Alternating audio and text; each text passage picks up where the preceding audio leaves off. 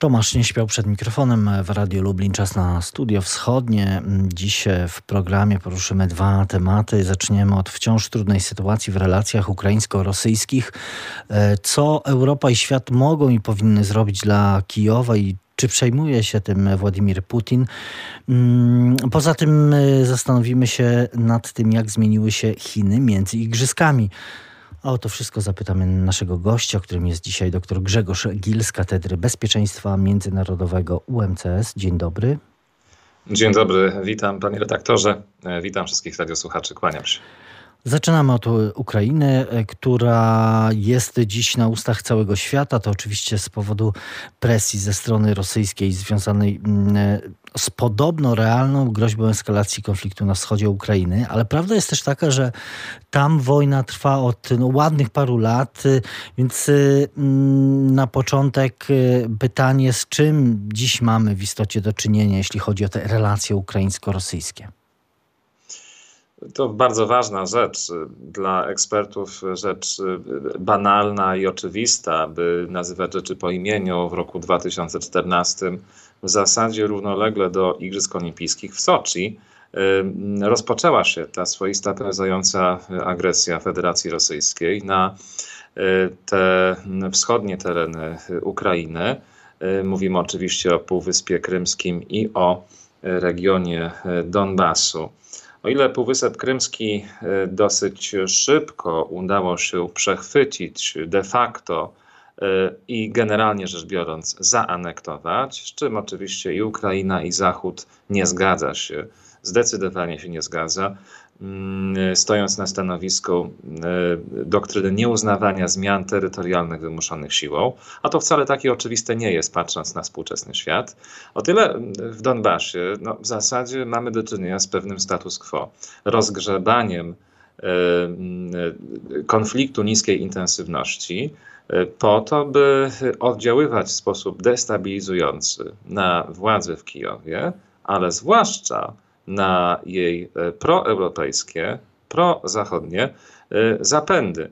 I to się Federacji Rosyjskiej udaje. Oczywiście cierpi na tym e, Ukraina, biorąc pod uwagę społeczeństwo, biorąc pod uwagę także sytuację polityczną. Mówimy przecież o wielomilionowej rzeszy etnicznych Rosjan i o pewnym niebezpiecznym pretekście, jaki wciąż gdzieś się unosi, biorąc pod uwagę chociażby jakieś preteksty działań quasi-humanitarnych ze strony Federacji Rosyjskiej. A zatem wojna trwa od lat ośmiu, a to, co dzisiaj, z czym mamy do czynienia, to niewątpliwie eskalacja. Eskalacja na potrzeby wywołania kryzysu, który miałby i tutaj raczej tonowałbym mimo wszystko nastroje. Nie prowadzić do otwartej konfrontacji, ale do zdecydowanie większych ustępstw ze strony słabszego adwersarza, w tym przypadku Ukrainy. Dlaczego y, Putinowi tak bardzo na tej Ukrainie zależy?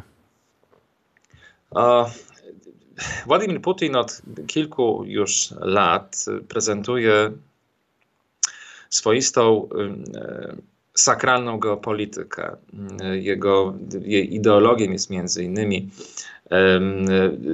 postać znana badaczom, Dugin, który generalnie rzecz biorąc wprowadza ten element świętej Rusi, wszech Rusi, czyli, czyli koncepcji politycznej, geopolitycznej, która, która jest dzisiaj bliska Kremlowi i generalnie rzecz biorąc mowa tutaj o obronie pewnego mitu założycielskiego. No, pamiętajmy o tym, że Róż Kijowska jest matecznikiem i powiedzmy e, źródłem e, ruskiej kultury, rosyjskości także. Mm, I, dzisiaj mamy do czynienia z pewną batalią, także biorąc pod uwagę politykę historyczną. Nie ma wątpliwości, że Ukraina jest przede wszystkim e, no, ogromną przestrzenią, zasobną w, w, w, w, ziemię, w ziemię orną.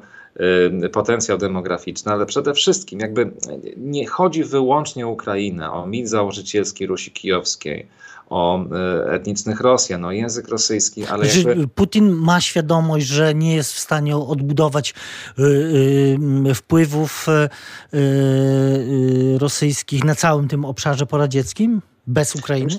Ja myślę, że właśnie o to tutaj chodzi, że obawiasz się pewnego efektu domina, wypadnięcie Ukrainy z tej układanki byłoby niebezpiecznym precedensem. No to, co obserwowaliśmy, obserwowaliśmy przed kilkoma tygodniami w Kazachstanie, ta bardzo dziwna e, sytuacja, bardzo szybkie rozlokowanie sił, szybkiego reagowania OUBZ, tak zwanych mirotworców, którzy generalnie pojawili się tam, by się pojawić, a nie by kogokolwiek ratować bo rząd y, kazachski nie był zagrożony. No, trudno sobie wyobrażać, żeby gdzieś tam y, kilkuset y, oczywiście z, z wkurzonych protestujących zagrażało stabilności władzy. Więc jakby sprawa jest tutaj oczywista, że, że tego rodzaju działania mają na celu utrzymanie reżimu przyjaznego Rosji jako zwornik tej geopolitycznej układanki tak zwanego ruskiego mira, czyli tego, no właśnie, świata ruskiego. Ukraina, która z tego świata mm, y, y, zostałaby wy, wyrwana, no tworzy, tworzy niebezpieczną lukę. Stąd też y, te mm, zapędy i przyspieszane działania integracyjne na linii Moskwa-Mińsk. Stąd też betonowanie reżimów w Azji Środkowej. I, I, tutaj widziałbym przede wszystkim ten problem Ukrainy w systemie naczyń połączonych jako niebezpieczny y, precedens. Do tego dodając oczywiście te, warun- te elementy wizerunkowe związane z, ze schedą, ze spuścizną Rusi Kijowskiej i tego, że no właśnie ta, ta koncepcja Putina trójjedynego narodu no, bez Ukrainy no to nie trzyma się kupy, bo okazuje się, że jedna trzecia z tej koncepcji nagle z różnych przyczyn dezerteruje, więc coś być może z tą koncepcją jest nie tak. Putin nie lubi i na pewno nie chce, by Rosjanie myśleli, myśleli w sposób krytyczny i w ogóle myśleli. Więc e, jakby e, tego rodzaju pytania byłyby ewidentnie nie na rękę Kremlowi.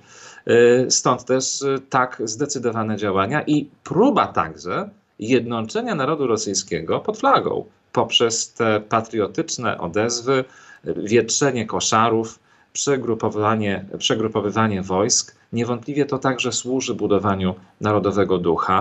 Y, I też jest to pewnego rodzaju temat zastępczy, by przetrwać trudny okres pandemii i innych uwarunkowań dzisiaj, które dotykają cały świat, między innymi inflacji. Y, choć y, oczywiście też fakty są takie, także świadczą o tym te informacje, które płyną ze Stanów Zjednoczonych, zdjęcia satelitarne strony, ze strony amerykańskiej, które pokazują, że są i cały czas pojawiają się nowe rosyjskie siły, które się lokują w, w kilku miejscach w pobliżu granicy z Ukrainą. O tym informowała mhm. w piątek agencja Reutera.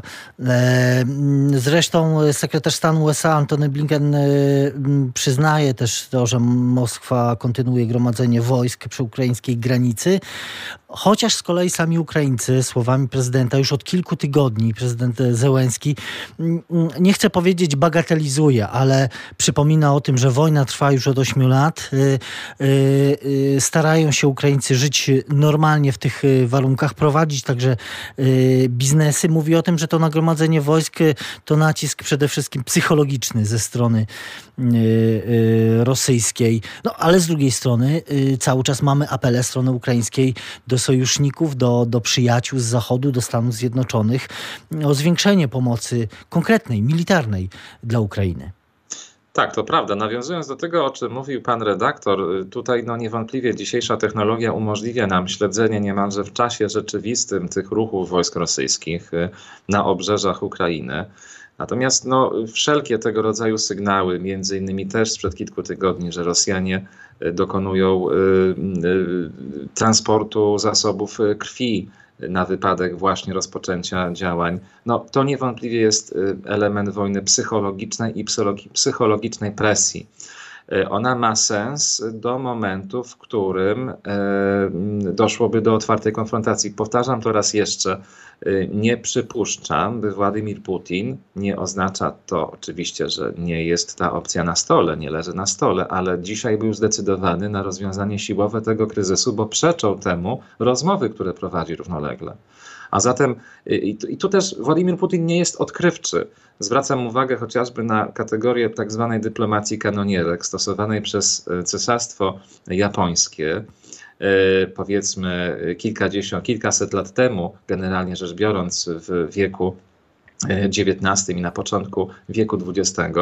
Y, no, tu mówimy y, też o takim, no nie japońskim, ale rosyjskim rodzaju dyplomacji no, y, manewrowej, dyplomacji poligonowej, związanej z tym, że no, ruchy wojsk mają tutaj kogoś przekonać, że coś jest realne. To oczywiście ma sens z perspektywy Kremla to są jakieś koszty, ale mm, gra idzie o, o dużą stawkę. I ja mam wrażenie, że oczywiście ktoś może powiedzieć, że te ruchy wojsk zagrażają także Sojuszowi Północnoatlantyckiemu. Natomiast mam wrażenie, że to mimo wszystko jest troszkę zbyt mm, odważna teza. Te ruchy wojsk przede wszystkim mają e, mm, e, osłabić Ukrainę, osłabić morale Ukrainy która nie jest przecież członkiem NATO, choć tak y, są te elementy, w których te standardy natowskie rzeczywiście próbuje mm, stosować armia ukraińska. Zdecydowanie tak. Temu ma służyć między innymi Brygada Wielonarodowa z siedzibą z dowództwem w Lublinie. Temu ma służyć ten taki pomocniczy sojusz na linii Londyn-Kijów-Warszawa, ale powiedzmy sobie szczerze, panie redaktorze, tutaj nikt za Ukrainy nie będzie przelewać krwi. I myślę, że i Ukraińcy, i Rosjanie doskonale zdają sobie sprawę. Dlatego dyplomacja first, diplomacy first. Jestem przekonany, że rozwiązanie dyplomatyczne zostanie znalezione. Niestety obawiam się, że czas nie gra na korzyść Ukrainy e, i może się okazać, że zdecydowanie się na formułę e, Waltera Steinmeiera, czyli swoistej autonomizacji Donbasu, będzie jednak rozwiązaniem, na które władze ukraińskie się zgodzą, by zamknąć sprawę. E, nie mam wątpliwości, że to będzie dopiero uwertura do prawdopodobnie kryzysu wewnętrznego na Ukrainie. I tego też obawiają się ludzie, którzy patrzą z pewnej perspektywy na, na ten kryzys, bo, bo y, autonomizacja Donbasu, amnestia dla bojowników, to w zasadzie będzie oznaczało taki status y, quasi państwa y, Naddniestrza w tej części Europy, który, no właśnie, będzie mógł być aktywizowany i dezaktywizowany, kiedy tylko e, zechce e, Federacja Rosyjska, mająca dostęp, biorąc pod uwagę, że byłby to rodzaj, powiedzmy, e, przyczółka, rodzaj terytorium, który mogłoby służyć, by właśnie ukraińskie, europejskie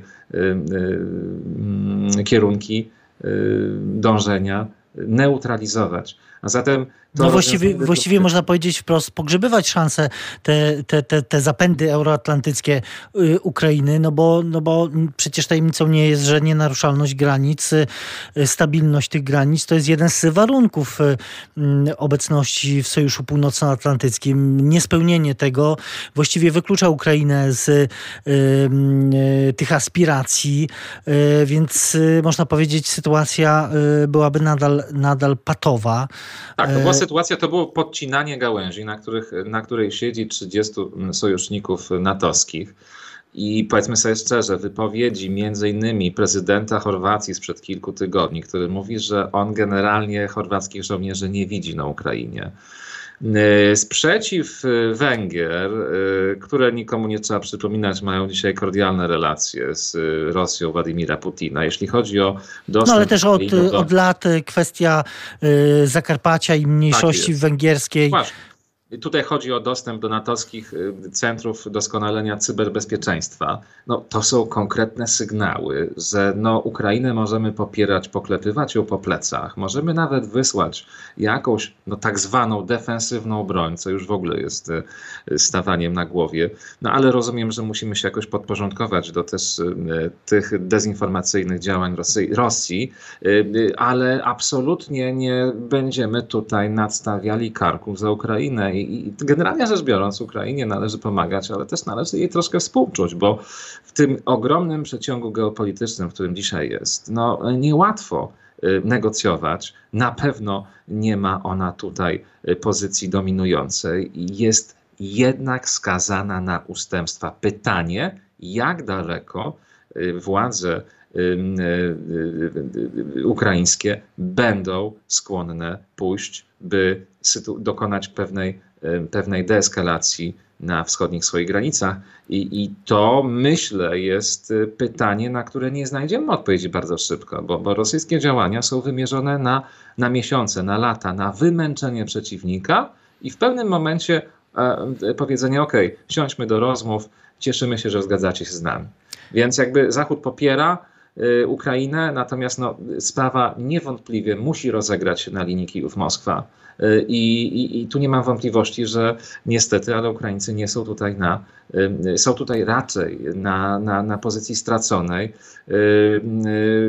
Ten zachodni, te zakonnie gesty mają oczywiście swoją rolę. Trzeba przypominać światu, że, że, że nie ma mowy na, na, na, na, zgody na siłowe przesuwanie granic. Natomiast. No, no chociaż akurat chyba wydaje się, że w Europie, nie, przynajmniej nie wszędzie rozumieją, że, że konflikt na Ukrainie to jest problem, czy może być dla całego kontynentu. Ale mm, zostawmy może i to, ale mm, jeszcze na koniec y, tej części rozmowy chciałbym zapytać o, o, o te relacje mm, i akcenty polskie, no bo za nami trzydniowa wizyta polskiego ministra spraw zagranicznych na Ukrainie. Mamy w tych ostatnich dniach i tygodniach, także w tym tygodniu konsultacje prezydentów Dudy i Zełenskiego, wcześniej wizytę premiera Morawieckiego w Kijowie. Y, te działania mm, polskich władz mają być potwierdzeniem y, partnerstwa strategicznego Polski i Ukrainy. No i może ważniejsze pytanie, co z tego wynika dla Ukrainy? Biorąc pod uwagę to partnerstwo strategiczne, to, to, to trzeba powiedzieć wyraźnie, że mm, do fazy tej mm, ostatniej eskalacji w konfliktu w wschodniej Ukrainie, w zasadzie w dużej mierze to partnerstwo strategiczne miało charakter papierowy i teoretyczny. I, I, to jest mimo wszystko troszkę bolesne, że to partnerstwo strategiczne ona się uaktywnia w, momencie, w momentach kryzysowych, w momentach, kiedy widać wyraźnie, że Polakom zależy na tym, by Ukraina e, niezależna e, trwała i przetrwała, a na Ukraińcom zależy na tym, by budować pewną dyplomatyczną koalicję solidarności z nią samą. I, I, niestety, ale ja jestem taki no, troszkę tutaj krytyczny i nie chcę powiedzieć sceptyczny do tych, do tych um, takich falowych, sinusoidalnych e, relacji, bo te relacje na pewno nie są um, bardzo entuzjastyczne. Natomiast no, szkoda, że w zasadzie wyłącznie negatywne okoliczności tak zbliżają Polaków i Ukraińców. Ja bym sobie życzył, by, by raczej to partnerstwo strategiczne było wypełniane tą narracją pozytywną, a nie mm, wspólnym frontem w walce z kimś. No, w tym przypadku z Federacją Rosyjską to trochę mało, a wydaje mi się, że, że przeciąganie Ukrainy na naszą stronę, powiedzmy tej nowej żelaznej kurtyny, która powstaje, no, że to wymaga oczywiście nie tylko polskiego zaangażowania, ale przede wszystkim zaangażowania całej Unii Europejskiej i europejskiej polityki wschodniej, która, no powiedzmy sobie szczerze, okazało się, okazuje się dosyć mało skuteczna, ale oczywiście to nie jest zarzut ani do Polski, ani do, do, do Ukrainy, a głównie do tego niekorzystnego, wrogiego otoczenia, czyli tego, co dzieje się w Rosji dzisiaj. E, trudna sytuacja na wschodzie Ukrainy. Oczywiście o tej sprawie będziemy jeszcze wielokrotnie mm, w naszym programie mówić. E, e, tymczasem na chwilę przerwy zapraszam do rozmowy z doktorem Grzegorzem Gilem z Katedry Bezpieczeństwa Międzynarodowego UMCS. Wracamy za kilka chwil. W studiu wschodnim wracamy do rozmowy. Dziś naszym gościem jest, przypomnę, dr Grzegorz Gil z Katedry Bezpieczeństwa Międzynarodowego UMCS. E, teraz chciałbym e, porozmawiać o Chinach. E, w Pekinie trwają już od ponad tygodnia zimowe igrzyska olimpijskie. Mm, oczywiście nie o samym kibicowaniu dziś chcę rozmawiać, bo co tu dużo mówić, to kolejna impreza, mówią o tym wszyscy eksperci, komentatorzy, obserwatorzy, która ma pokazać potęgę, nowoczesność y, Chin. Y, ale na początek zapytam, po co Pekinowi te igrzyska? E, biorąc pod uwagę różnego rodzaju reżimy autorytarne, bo należy tutaj rzeczy nazwać po imieniu, pokroju mm, Rosji, także Chin, e, a za kilka miesięcy między innymi Kataru, Trzeba powiedzieć wyraźnie, że tego rodzaju reżimy polityczne o pewnej kategorii politologicznej, nie dezawuując sposobu sprawowania władzy w tych państwach, no, opierają się oczywiście na systemach y, y, aksjologicznych i jednocześnie bardzo często bazują na mm, y, surowcach naturalnych, pozwalając sobie na pewnego rodzaju festiwale wydatków w związku z tego rodzaju imprezami. I nie mam wątpliwości, że jest to pewien element budowania miękkiej siły, soft power. Jednocześnie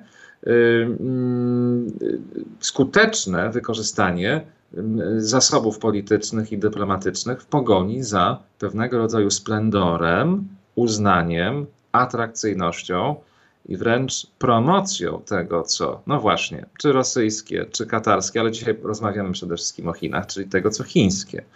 Zatem wykorzystanie sportu jako machiny promującej chińską wizję świata, ale przede wszystkim chiński sukces. O ile kiedyś mówiliśmy o American Dream, to dzisiaj, no proszę wybaczyć, ale to coraz bardziej jest Chinese Dream.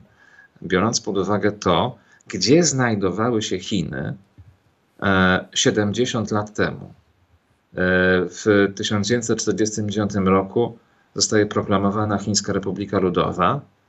E, trzy lata później, jeśli dobrze pamiętam, w Helsinkach debiutuje na Igrzyskach Olimpijskich letnich w jednych zawodach.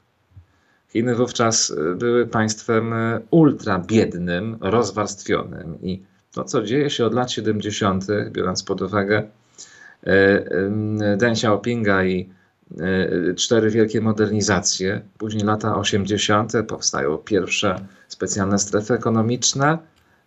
Chiny bardzo bystry uczeń podpatrują świat, oczywiście z łamaniem e, prawa własności intelektualnej, o czym powinniśmy wszyscy wiedzieć, ale e, później przez lata 90. No dochodzimy mniej więcej do tego, co dzieje się w, w, współcześnie. Dochodzi tutaj do, no, no właśnie, trzy cudu kolejnego cudu azjatyckiego gospodarczego? No chyba nie. No, do, dochodzi przede wszystkim do, do obudzenia, do przebudzenia się Chin w sensie głównie ekonomicznym przy zachowaniu specyfiki politycznej, czyli systemu autorytarnego. Y, Napoleon mówił o tym, że pozwólmy Chinom spać, bo jak się obudzą, to zadrży cały świat. No Chiny się obudziły, świat drży.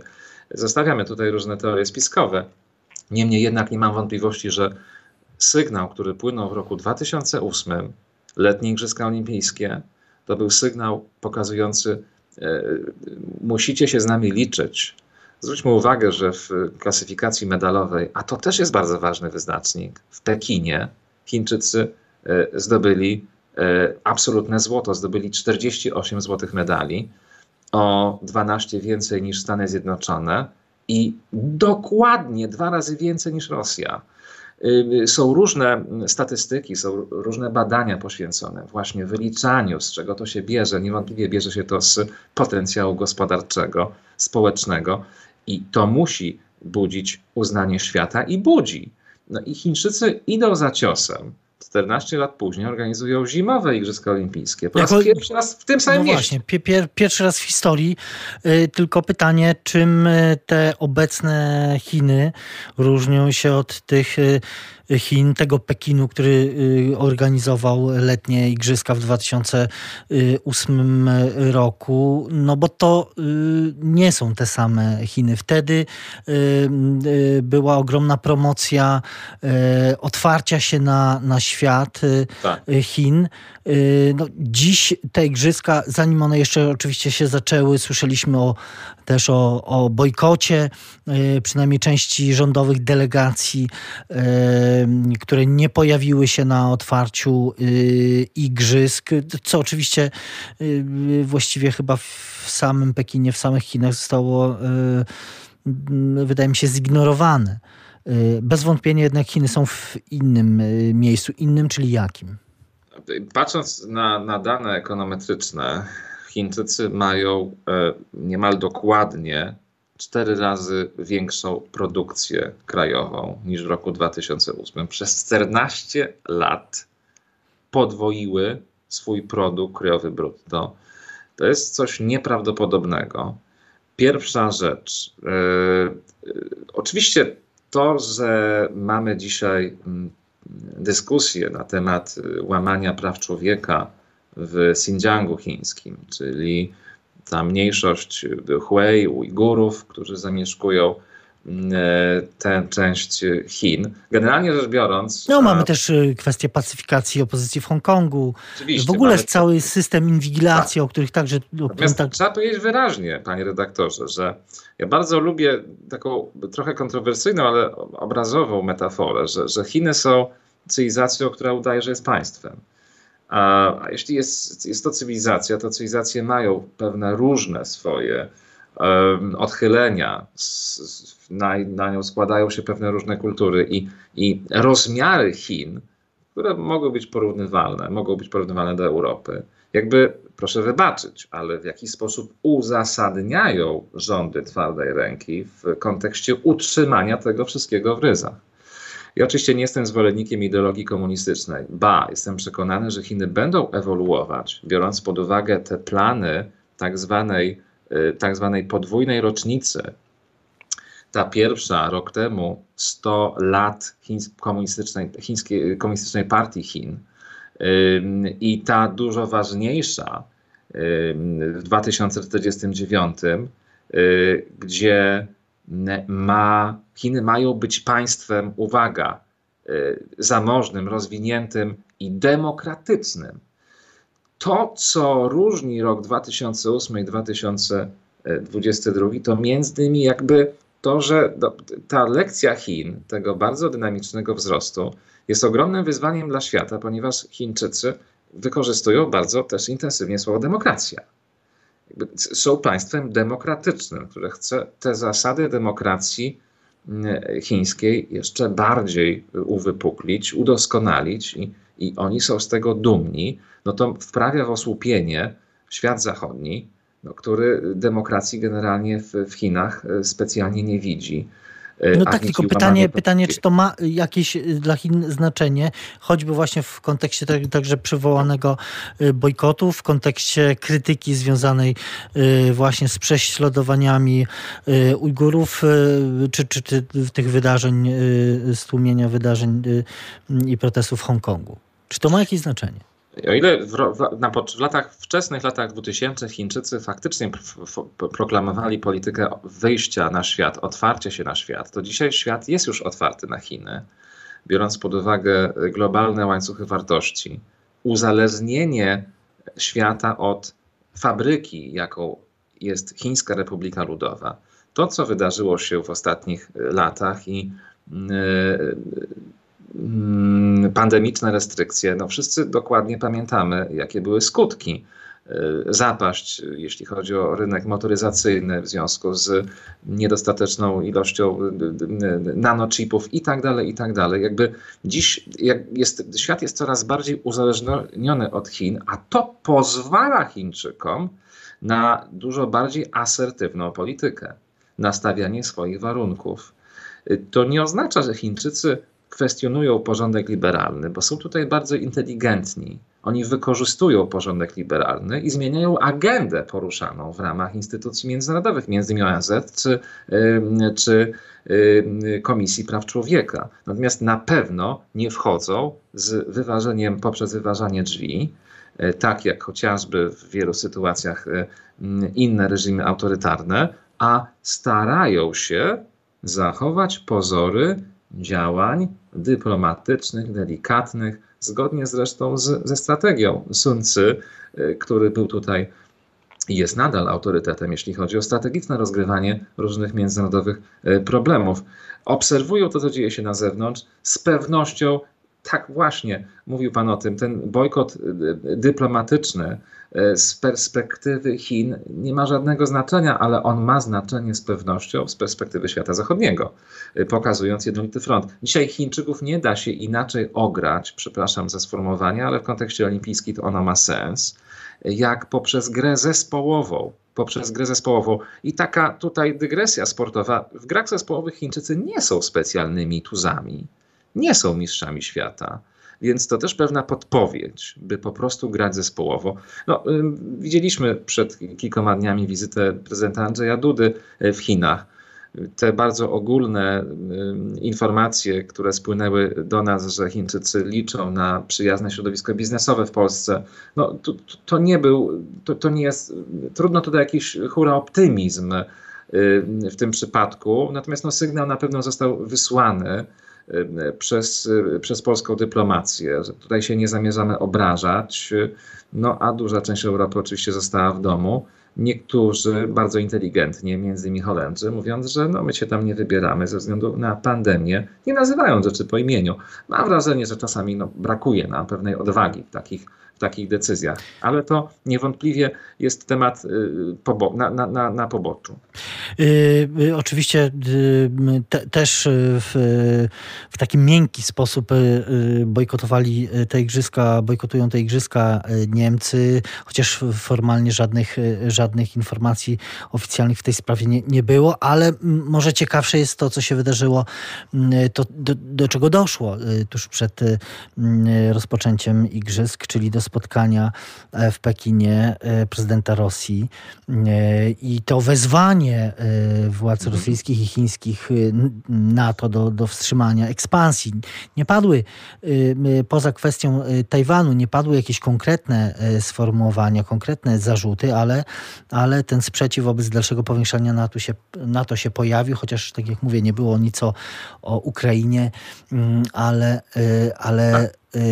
Ten wątek rzeczywiście się y, pojawił i myślę, że, że to był też ważny element y, tego całego krajobrazu igrzyskowego. Bardzo ważny, bardzo ważny, bo to pokazuje, że jesteśmy w zupełnie innym miejscu. No ile w roku 2014 Chińczycy nie zajęli wówczas stanowiska państw zachodnich odnośnie do potępienia aneksji Krymu, była taka inicjatywa w Zgromadzeniu Ogólnym ONZ. Y, tym samym jakby umywając ręce, y, to dziś wyraźnie y, opowiadają się po stronie Federacji Rosyjskiej w kontekście nie rozszerzania sojuszu o nowe państwa członkowskie. Oczywiście o jakie? No o te, które aspirują. Nie chodzi przecież tutaj o, o jakieś teoretyczne inne państwa, bo też traktatowo jest ten obszar ekspansji ograniczony do do państw europejskich. Więc y, tu jest nowy element, nowy akcent i nowa doktryna strategiczna sojuszu, którą za kilka miesięcy poznamy, z pewnością będzie się odnosiła do tego no, swoistego, mm, e, do tej swoistej koalicji Pekinu z, z Moskwą odnośnie do zamrożenia ekspansji sojuszu. To niewątpliwie nowa jakość, wcześniej niewyobrażalna. Jeszcze w 2008 roku trudno było sobie wyobrazić tak asertywne stanowisko i to w zasadzie w przeddzień Igrzysk Olimpijskich. Tym bardziej, że zdaje się chyba m, rzeczywiście miłości między Rosją a Chinami y, specjalnie nigdy nie było. No nie było nigdy. Y, tutaj wystarczy też wspomnieć, jak asymetryczne są relacje między innymi biorąc pod uwagę rzekę Amur i, i, i chociażby depopulację w, na obszarze chińskiej, rosyjskiej Syberii i ten ogromny żywioł demograficzny, który jest na południowej stronie, po stronie chińskiej. Generalnie rzecz biorąc także lata 60. konflikt o wyspę Zhenbao i między innymi Chiny, które w zasadzie od tego momentu Y, były bardziej wolnym y, elektronem w tych mm, zimnowojennych rozgrywkach. No dzisiaj nazywałbym tej sytuacji wojną zim, zimną, nową, ale taką wojną powiedzmy zimnawą.